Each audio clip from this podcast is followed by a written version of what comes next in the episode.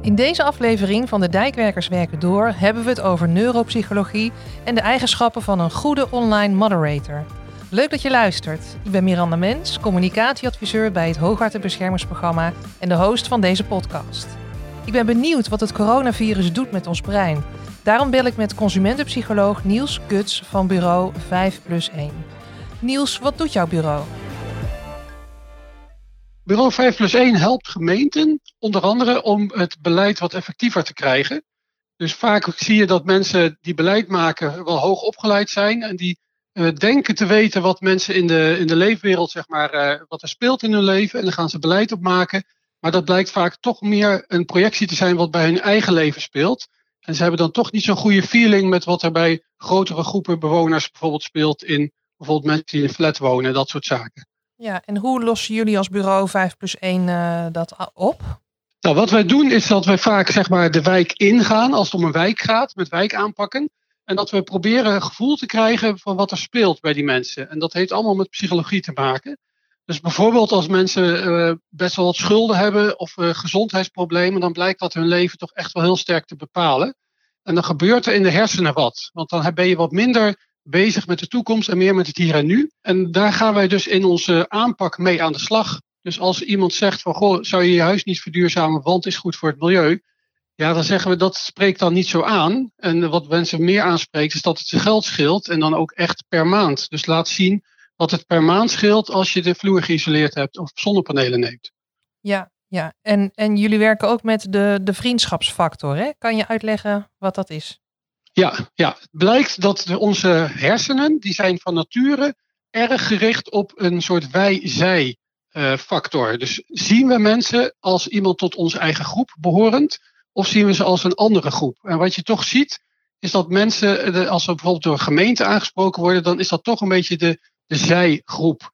En wat heel interessant is, is om te kijken van zijn er niet andere groepen die de vraag ook kunnen stellen en die bijvoorbeeld meer tot uh, de eigen groep gezien worden. Dus bijvoorbeeld op een wijkniveau zijn er bijvoorbeeld al actiegroepjes van bewoners die samen al panelen hebben ingekocht of is er een wijkraad. En als je die kan vinden en die zouden ook de vraag willen stellen, dan zie je dat het effect veel hoger is. Ja, en kun je uitleggen wat je uh, concreet in je werk doet met neuropsychologie? Ja. ja, dat vergt een kleine toelichting. Het blijkt namelijk dat we niet één stel hersenen hebben, maar twee eigenlijk. Eén is een wat oudere structuur, het oerbrein. En die is heel erg ingericht op eigenlijk een beetje overleven, instincten. En dat gaat dus ook echt over voedselveiligheid, voortplanting, dat soort zaken. En we hebben daarnaast dus nog dat modernere brein. En dat moderne brein, daar zit echt het denken. Daar kun je mensen letterlijk vragen over dingen na te denken, ook over de langere termijn en met wat abstracte begrippen. Nou, wat zie je gebeuren is dat als je met mensen, als je vraagt, ik wil graag iets dat jij gaat doen, dan ga je eigenlijk een beetje morrelen aan het vaste gedrag van mensen. En juist dat oerbrein, dat reptiele brein, uh, waar emoties zitten, die vindt dat niet zo leuk. Dus er gaat weerstand ontstaan. Nou, wat zie je dan gebeuren is dat als je het je lukt om het wantrouwen van hé, hey, jij wil iets van mij en dat wil ik eigenlijk niet. Als je dat kunt koppelen aan vertrouwenwekkende dingen, dus als het een afzender is die ze goed vinden, of je hebt ook bijvoorbeeld uh, mensen, oudere mensen voelen zich vaak onveilig in de woning. Dus die vinden veiligheid van wonen iets belangrijker of veel belangrijker dan duurzaamheid. Dus als je in een project zegt, we gaan voor jou zorgen dat je prettiger gaat wonen. En dan gaan we eerst iets doen aan de veiligheid van de woning. En daarna gaan we, als je het goed vindt, ook nog met duurzaamheid aan de slag. Dan heb je een veel beter verhaal. Dat komt zeg maar veel beter binnen. Dan sluit je eigenlijk veel meer aan bij wat er bij die mensen speelt. Interessant. Ja, dat is eigenlijk ook dus neuropsychologie. Uh, en dat heeft ook te maken met stofjes die in ons lichaam rondtieren. Nou, wat blijkt namelijk, we maken in onze hersenen een stofje aan, oxytocine. En dat wordt ook wel het knuffelhormoon genoemd. Nou, wat doet dat eigenlijk als dat stofje gaat stromen in ons lichaam? Dan gaan we gevoelens van verbinding, van een wijgevoel gaat er ontstaan. We gaan ons verbonden voelen met degene die op dat moment zorgt voor dat stofje. Nou, wanneer komt dat stofje vrij? Dat is bij oogcontact, als we het woord we gebruiken. Maar ook als je aandacht krijgt. Dus wat wij in projecten bijvoorbeeld doen als we een wijkproject starten van bijvoorbeeld een jaar. Dan gaan we eerst eens kijken wat is de geschiedenis van deze wijk. We gaan ons verdiepen in de wijk. Wat speelt er op dit moment? Wat heeft er in het verleden gespeeld? Zo heb ik in Zuilen ooit gewoond. Dat was een dorp tot 1952. En als je weet dat het nog steeds een soort dorpgevoel daar is en mensen zich eigenlijk toch nog een dorp voelen en je hebt je daarin verdiept, dan voelt men dat er aandacht is voor jou. Dus dat ze echt oprecht uh, geïnteresseerd zijn in je en dat soort zaken. En als ze dat voelen uh, in een project, dan gaat dus dat stofje ook weer vrijkomen. En dat is allemaal heel erg uh, nuttig en interessant. Ja, zeker. En bevorderlijk voor de samenwerking ook, kan ik me voorstellen. Zeker, ja. ja. En Niels, wat is het effect van corona op ons brein? Ja, ja, dat is best stevig. Want als ik je vertel dat dat oerhersendeel met die emoties, die scant constant veranderingen in de omgeving. En die beoordeelt die op, is dit positief of is het een bedreiging? Nou, je kunt je voorstellen dat de stress die er nu komt met alle onzekerheden die er zijn rond de economie, maar ook je eigen gezondheid, gezondheid van je ouders, van je kinderen, van jezelf, dat er een waanzinnige extra stressniveau is op dit moment. Nou, wat stress doet als cortisol, dat is ook weer zo'n stofje als dat vrijkomt, is dat je letterlijk wat meer terugzakt nog naar het hier en nu. Je krijgt een soort bewustzijnsvernauwing. Je gaat alleen nog maar letten op waar je je zorgen over maakt. Dus je bent minder aanspreekbaar op andere dingen. En dat is dus uh, voor een aantal dingen heel jammer. Want als je het met elkaar wil hebben over bijvoorbeeld verduurzaming, die projecten lopen toch nog door, dan heb je daar minder aandacht voor. Aan de andere kant zie ik, ik doe vrij veel projecten met het verduurzamen van woningen, mm -hmm. dat omdat we veel in de woning zitten, opgesloten een beetje, en, en meer tijd hebben, zie je dat mensen wel het klepje open gaat van hé, hey, ik ga maar eens iets aan die woning doen. Ik had nog wat wensen, ik ga met de woning aan de slag. En dat is voor ons dan weer positief. Want als mensen in de modus komen van ik ga die woning eens aanpakken, kun je veel makkelijker, als je met contact nog met ze hebt, kun je ze weer zeggen van hé, hey, als je toch aan de slag gaat, doe dan even nog iets met uh, verduurzaming. Van uh, isoleer meteen die vloer of dat soort zaken. Ja, ja. Wat kunnen we leren in de neuropsychologie over goede online samenwerking? Wat we kunnen leren is dat als het een stressvol iets is, en dat is online toch wel een beetje, daar moet je nog helemaal aan wennen. Dus dat is iets meer, kost eigenlijk wel meer aandacht en dus best heel veel fysieke energie. Is dat je het in ieder geval korter moet houden. Dat is echt wel een les. Dus de, de, de aandachtspannen van mensen wordt echt beproefd. Dus je moet het eigenlijk in die zin in kortere periodes gaan doen. Dus misschien wel kortere sessies, meerdere. Aan de andere kant is ook verbinding blijven voelen belangrijk. Dus uh, het, het, kan best heel interessant zijn om aan het begin van een sessie eens een keer een foto van je team nog een keer uh, voor te halen. Dus dat je even de mensen terugziet. Dat gaat eigenlijk vrij rap, voel je dan die verbinding wel weer. En wat ook zeker interessant is, is dat als we dus wat meer gestrest zijn, het is een ongewonere situatie, dan zitten we dus iets meer in dat emotionele brein waarschijnlijk. En dat emotionele brein, die kun je eigenlijk vooral goed communiceren met visuele dingen. Dus waar je normaal iets zeg maar, opschrijft in taal of je praat met mensen, blijkt dus dat onder stresssituaties, uh, mensen, als het echt zware stress is, kun je echt alleen nog maar visueel communiceren. Dus als je bijvoorbeeld een onderwerp hebt, uh, maak er bij wijze van spreken een animatie van, of uh, haal foto's naar voren over het onderwerp. Dus we worden ontzettend geholpen, ons reptiele brein, zeg maar, in stress met visuele communicatie. Ja, met animaties, foto's, infographics. Ja. En we gaan bijvoorbeeld zelf binnenkort een participatietraject in rond windmolens. En dan gaan we een soort visueel tekenaar, die doet mee aan de sessie. Dus die gaat, zeg maar, terwijl er gesproken wordt, gaat hij een soort mindmap maken en een soort visueel verslag. En dat kun je dan tijdens de bespreking ook al terug laten zien aan alle deelnemers. Daar kunnen ze weer op reageren. En dat blijkt ook heel goed te werken. Dus zo zijn er wat vormen die je kunt gaan gebruiken, um, die bijvoorbeeld met dat visueel heel sterk te maken hebben. Ja, interessant. Goeie tip. En Niels, hoe, hoe zorg je ervoor dat je online bij de juiste mensen op het netvlies komt? Ja, dat is natuurlijk nu in de, in de participatiesamenleving uh, een grote vraag. We hebben altijd al een beetje een schifting gehad tussen mensen die snel en makkelijk bereikbaar zijn. Bijvoorbeeld omdat men een gemeente wel uh, als vriend ziet. De hoge opgeleiden hebben dat wat meer. Als je in een meer volkswijk komt, waar mensen wat slechtere ervaring hebben, ook gevoel hebben dat ze niet mee kunnen doen, uh, ze hebben meer schulden, gewoon in algemene zin zwaar weer, dan zie je dat die wat lastiger bereikbaar zijn, meer wantrouwen eigenlijk hebben. Mhm. Dus daar is altijd al de vraag groot van hoe ga je, dit, uh, hoe ga je met die mensen in contact komen. Nou, dan heb je dus te maken met weer die vriendschap opzoeken. Dus het werkt daar heel goed om mensen partijen te zoeken waar die groep al vertrouwd mee is en contact mee heeft. Uh, en tegenwoordig, denk ik, op afstand wordt dat natuurlijk wel iets lastiger. Dan hoop je maar dat een wijkraad bijvoorbeeld van iedereen in de wijk uh, al bijvoorbeeld een e-mailadres heeft of via Facebook dat er veel gekeken wordt op de site van de wijkraad. En zo zou je natuurlijk via Facebook bijvoorbeeld de contacten in ieder geval uh, kunnen onderhouden of verder uitbouwen zelfs. Ja, en heb je nog tips voor de dijkwerkers die, uh, die het nu best wel pittig vinden om thuis te zitten continu en alleen maar online contact te hebben met anderen? Ja, het is even een, eh, een, een aanslag op onze aard als, sociale wezens. We voelen ons, hè, het blijkt ook uit geluksonderzoek, dat de belangrijkste factor die geluk geeft, is er voor anderen iets kunnen doen.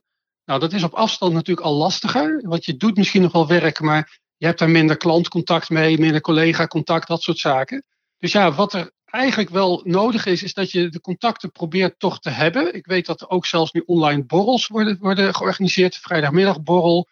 Uh, maar probeer toch ook met het zien van mensen. Hè, dus je zou kunnen zeggen, bellen is goed, maar toch met een Zoom, dat je collega's even ziet, een teamfoto oproept, dat soort zaken. Dat doet eigenlijk best heel veel. Dus we hebben een soort voorstellingsvermogen, gelukkig, als mens. Dat als je in ieder geval de contacten onderhoudt, op welke manier ook, dan voel je je toch al alsof die contacten er zijn. Dus je hoeft niet per se fysiek contact te hebben om toch die verbinding en dat soort zaken te voelen. Dus ik denk dat het ook aan managers en dat soort zaken uh, de taak ook is om te proberen. Uh, ik hoorde gisteren van de provincie, die hadden een soort uh, serious request middag. Waarin dus een paar collega's even DJ'en gingen en konden mensen nummertjes aanvragen voor collega's. En nou, zo kun je natuurlijk ook in, in de ontspannen sfeer wat dingen organiseren. Ja, dus jouw oproep is ook: blijf elkaar vooral online opzoeken. Ja, precies. Ja. Misschien kun je zelfs wel bij wijze van spreken, net als de, de, de, de, vaste weekvergadering, kun je dat toch ook wel blijven doen, maar dan op afstand. Of dat je even eh, per week eventjes een soort. Uh, wat speelt er bij wie rondstuurt, dat soort zaken. Dat je in ieder geval weet ook wat, wat zijn anderen nog aan het doen, wat speelt daar. Uh, dat geeft heel erg dat gevoel van verbinding en er toch nog met elkaar voor gaan, zeg maar. Ja, het samengevoel. Ja, precies. Niels, succes met je bureau en dank voor je tijd.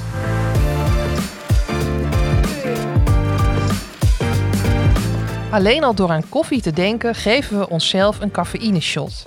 En door anderen te zien in een videogesprek voelen we ons meer sociaal verbonden. Hoe doe je dat in grote online bijeenkomsten? En wat is de rol van een goede moderator? Dat vraag ik coach Anna Stutje.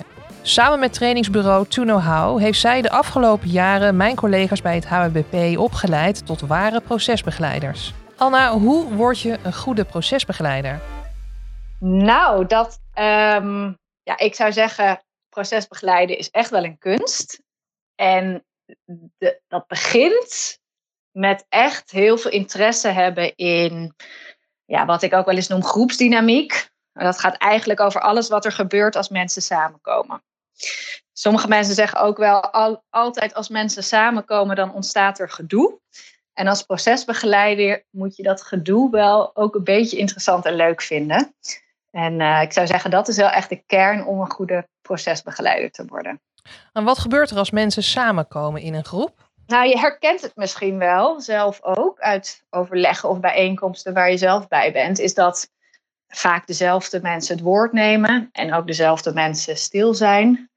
Uh, je herkent misschien ook wel dat een gesprek alle kanten op gaat. Uh, dat mensen niet op elkaar voortbouwen, maar dat uh, iedereen gewoon vooral zijn eigen punt probeert te maken. Je herkent misschien ook wel dat het hele doel van een bijeenkomst niet wordt behaald. Dus dat zijn eigenlijk allerlei dingen die um, nou, wel vaak voorkomen als mensen in een groep bijeenkomen. Ja, het zijn eigenlijk vaste patronen min of meer, hè? Ja. En waarom zijn die patronen er tijdens bijeenkomsten? Um, nou, dat heeft iets te maken. Ja, ik noem het ook wel eens, mensen komen eigenlijk altijd met, een, met hun eigen rugzak naar die bijeenkomst. En in die rugzak zit van alles. Daar zit ervaringen vanuit misschien wel heel vroeger, waarin ze nooit het woord kregen. Uh, en nou, dat heeft iets nagelaten waardoor ze nu heel graag het woord willen, of juist nog steeds niet het woord willen. Dus dat, dat kunnen ervaringen zijn van heel vroeger. Uh, dat kan ook gewoon zijn dat iemand een slechte dag heeft en eigenlijk die emotie meeneemt naar de bijeenkomst. De dingen die in mensen hun spreekwoordelijke rugzak zitten, die laten zich makkelijk zien in een bijeenkomst. Dus een goede briefing en voorbereiding is cruciaal als procesbegeleider. Um, ja, in, in die zin dat het wel helpt als je vooraf als procesbegeleider een beetje weet wat er in die rugzakken van die mensen zit. Dus vaak weet je vooraf wel wat er speelt in een groep. Niet altijd, en dat maakt het ook als procesbegeleider uitdagender als je helemaal niks weet van een groep. Maar vaak weet je wel welke gevoeligheden er liggen. Of welke mensen een heel uitgesproken beeld hebben. En dat dat misschien lijnrecht, tegenover het beeld van anderen staat. Dus daar goed zicht op hebben. En daar in de voorbereiding heel goed uh, informatie over verzamelen. Dat heel uh, serieus nemen. Dat is wel ontzettend belangrijk. Ja, want dan weet je in ieder geval wat voor vlees je in de kuip hebt, zeg maar.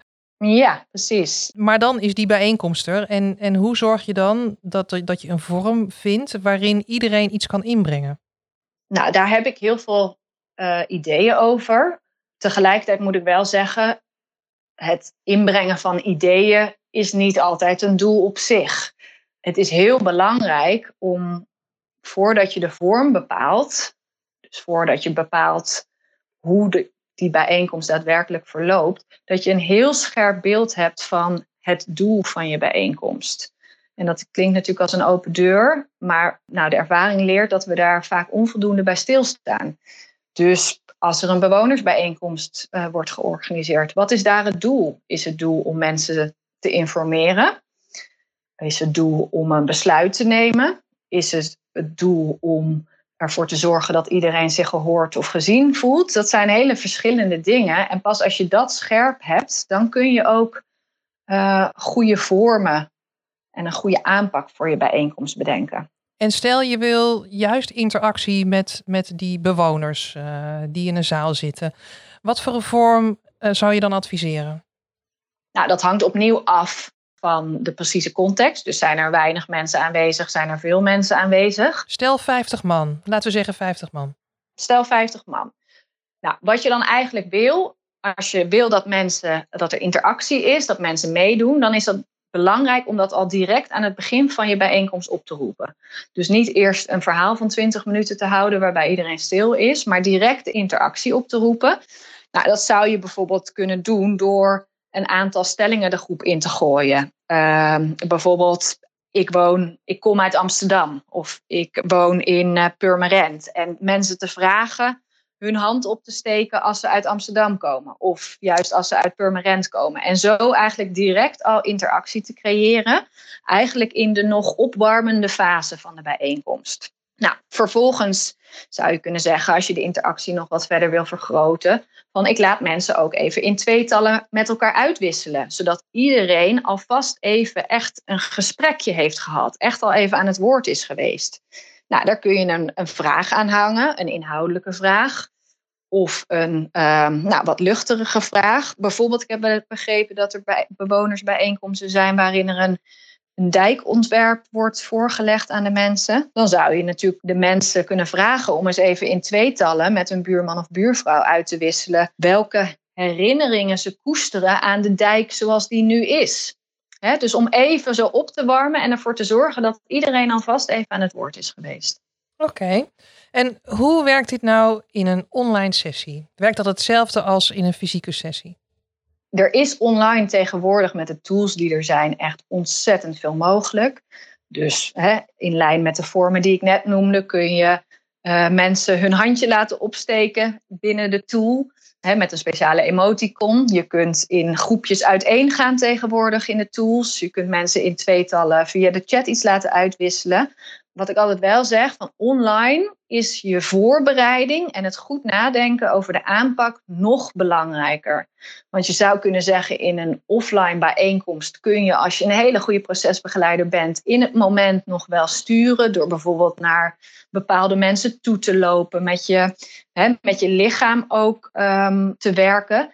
En online is dat toch lastiger. Dus dan zul je echt goed die voorbereiding moeten doen. Zeker als je bijvoorbeeld ook een tool gebruikt waarin niet iedereen ook met zijn gezicht zichtbaar is. Dus het vraagt gewoon nog een, nou, nog een extra stukje aandacht in de voorbereiding. Ja, en hoe kan je sturen in, in die patronen hè, waar je het eerder over had? De, de mensen die met een rugzak deelnemen aan zo'n sessie. Uh, hoe zorg je ervoor dat je daar ook iets constructiefs uit ophaalt? Ja, nou enerzijds zou ik zeggen, kun je met specifieke vormen en gerichte vragen voorkomen dat iemand gewoon maar zijn rugzak uitstort in de bijeenkomst. dus als je een hele open vraag stelt, zeg maar even, goh meneer X, hoe zit je erbij? Ja, dan kun je wel verwachten dat de hele boel op tafel wordt gelegd, versus een vraag die veel gerichter is. Bijvoorbeeld, hè, wat, is je, nou, wat is een herinnering die je koestert aan de dijk zoals die is? Hè, dat is heel verschillend, dit, dat type vraag.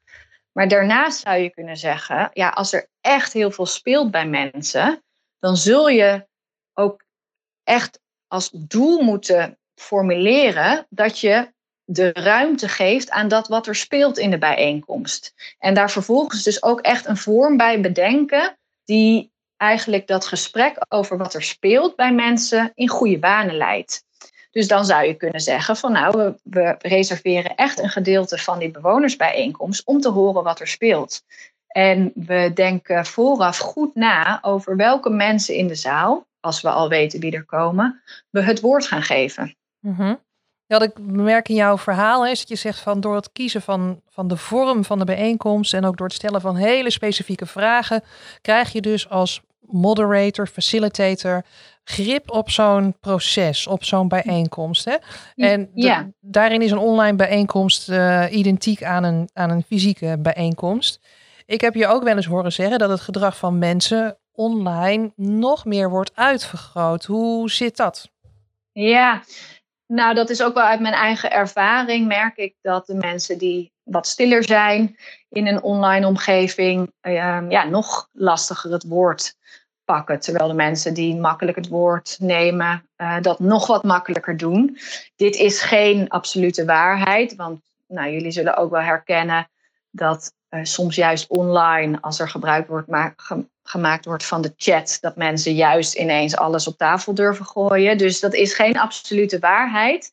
Maar dat er bepaalde patronen worden uitvergroot in een online bijeenkomst, dat heb ik zelf in ieder geval heel veel ervaren de afgelopen tijd. En ik denk dat luisteraars dat ook wel herkennen. Ja, dus dat het dan belangrijk is om mensen die wat stiller zijn en die uh, dat lastig vinden om voor een groep uh, iets te zeggen, dat je die dus nog meer bewust daarbij betrekt. Ja, precies. Door het kiezen van een slimme vorm. Ja, precies. Anne, binnen het HWP organiseren dijkwerkers voor hun werk vaak bijeenkomsten met bewoners. Uh, je had het er net zelf ook al even over. En soms kunnen die bijeenkomsten best emotioneel zijn. Hè? Een dijkversterking grijpt echt direct in, in, het, in het leven van mensen.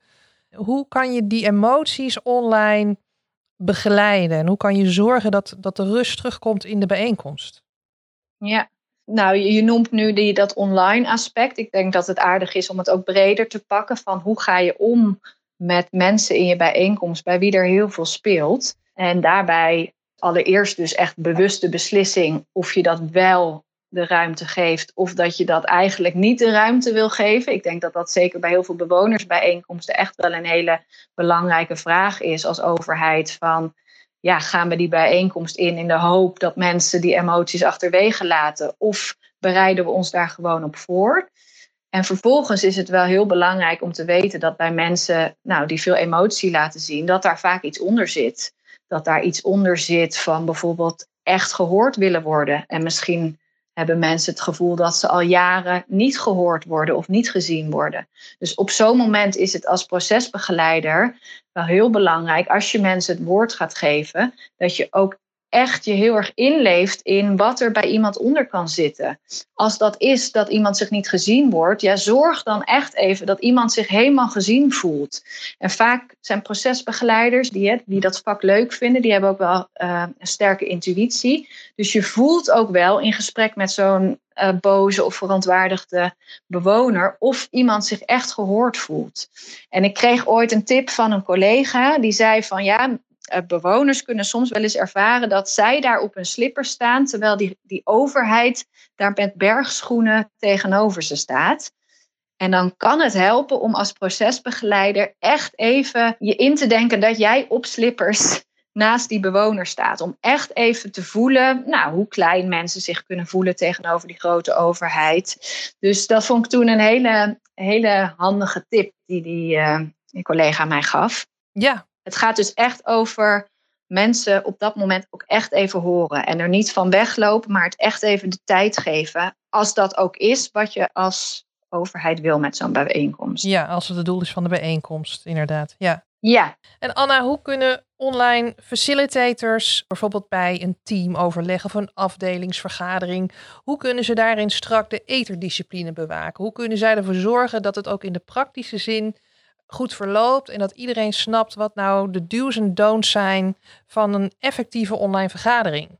Ja, nou, je zegt het eigenlijk zelf wel heel mooi. Hè? Je zegt al van hoe kun je dat strak neerzetten. Dat is denk ik het allerbelangrijkste om je er bewust van te zijn dat je als facilitator echt een belangrijke rol hebt om het, om het strak neer te zetten. Om, en om heel duidelijk te zijn over de regels die je met elkaar afspreekt. Uh, nog duidelijker en misschien nog iets directiever dan je normaaliter gewend bent te doen als facilitator ik voel, me, ik voel me soms een heel klein beetje jufferig de afgelopen tijd. Als ik zelf ook aan het werk ben met een groep. Maar zeker in het, hè, nu mensen beginnen met dat online vergaderen en werken, is het wel heel belangrijk om duidelijk te zijn. En dat is dus ook duidelijk zijn in de regels die je met elkaar afspreekt. Dus wat spreek je met elkaar af over hoe je de beurt krijgt? In sommige apps heb je een um, specifiek emoticon die je daarvoor kunt gebruiken. Wees dan ook heel expliciet over dat als je de beurt wilt, dat je dan die emoticon gebruikt. Um, en zorg er ook voor dat als dat even niet gebeurt, dat je daar direct uh, op inspringt en de persoon vraagt om het de volgende keer anders te doen. Zodat je het patroon direct goed neerzet. Want als je het patroon laat gaan, zeg maar, als je uh, iemand gewoon de beurt op een andere manier laat pakken, ja, dan gaat dat zich kopiëren en daar heb je later last van. Nou, er horen ook andere regels bij, bijvoorbeeld over uh, het uitzetten van een microfoon. Wat heel belangrijk is als er veel mensen meedoen om uh, achtergrondgeluid te voorkomen. Uh, dus wees daar ook duidelijk in dat mensen zichzelf unmuten als ze het woord willen pakken. Het is belangrijk om duidelijk te zijn over de regels en tegelijkertijd is het ook belangrijk om niet te vergeten dat het ook heel fijn is als er in de bijeenkomst verbinding ervaren kan worden tussen de mensen. Nou, in de fysieke overleggen die we hebben, vinden we het heel normaal dat je tien minuutjes eerder bent, dat je een kop koffie met elkaar drinkt. Maar dat valt allemaal weg, lijkt het wel, in die online context. Dus wat kun je als facilitator doen om alsnog die verbinding of die fijne sfeer neer te zetten? Denk aan het opzetten van muziek als iedereen de bijeenkomst binnendruppelt. Of denk na over andere manieren waarop mensen ja, een verbinding met elkaar ervaren. Ja, heb je nog een afsluitende tip voor de luisteraars? Nou, wat ik ook altijd zeg als facilitator is het ja, heel belangrijk om uh, mensen ook echt actief in beweging te brengen, letterlijk in beweging te brengen. Dat doet heel veel met gewoon de energie van mensen. Dus ja, ik ben ook wel steeds aan het nadenken van hoe kun je dat online nou alsnog creëren, echt die beweging. Hè? Dus kun je uh, mensen vragen om eens even aan het begin van het overleg in hun huis rond te lopen en even een voorwerp te pakken wat symbool staat voor hoe ze zich de afgelopen weken hebben gevoeld, zodat mensen echt in beweging komen.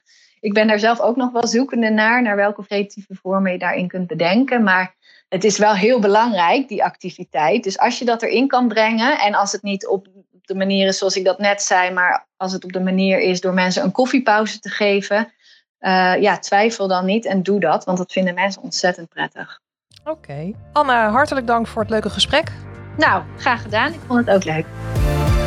Neuropsycholoog Niels Guts leerde ons dat visuele communicatie ons meer raakt dan tekst in stressvolle periodes zoals corona. Anna Stutje benadrukt het belang van aandacht voor iedereen, zowel in on- als offline bijeenkomsten. En hoe efficiënt online bijeenkomsten ook zijn, vergeet niet de sociale verbinding op te zoeken en koffiepauzes in te lassen. Wil je reageren? Praat dan mee via hashtag Dijkwerkerspodcast of stuur je reactie naar podcast.hoogwaterbescherming.nl.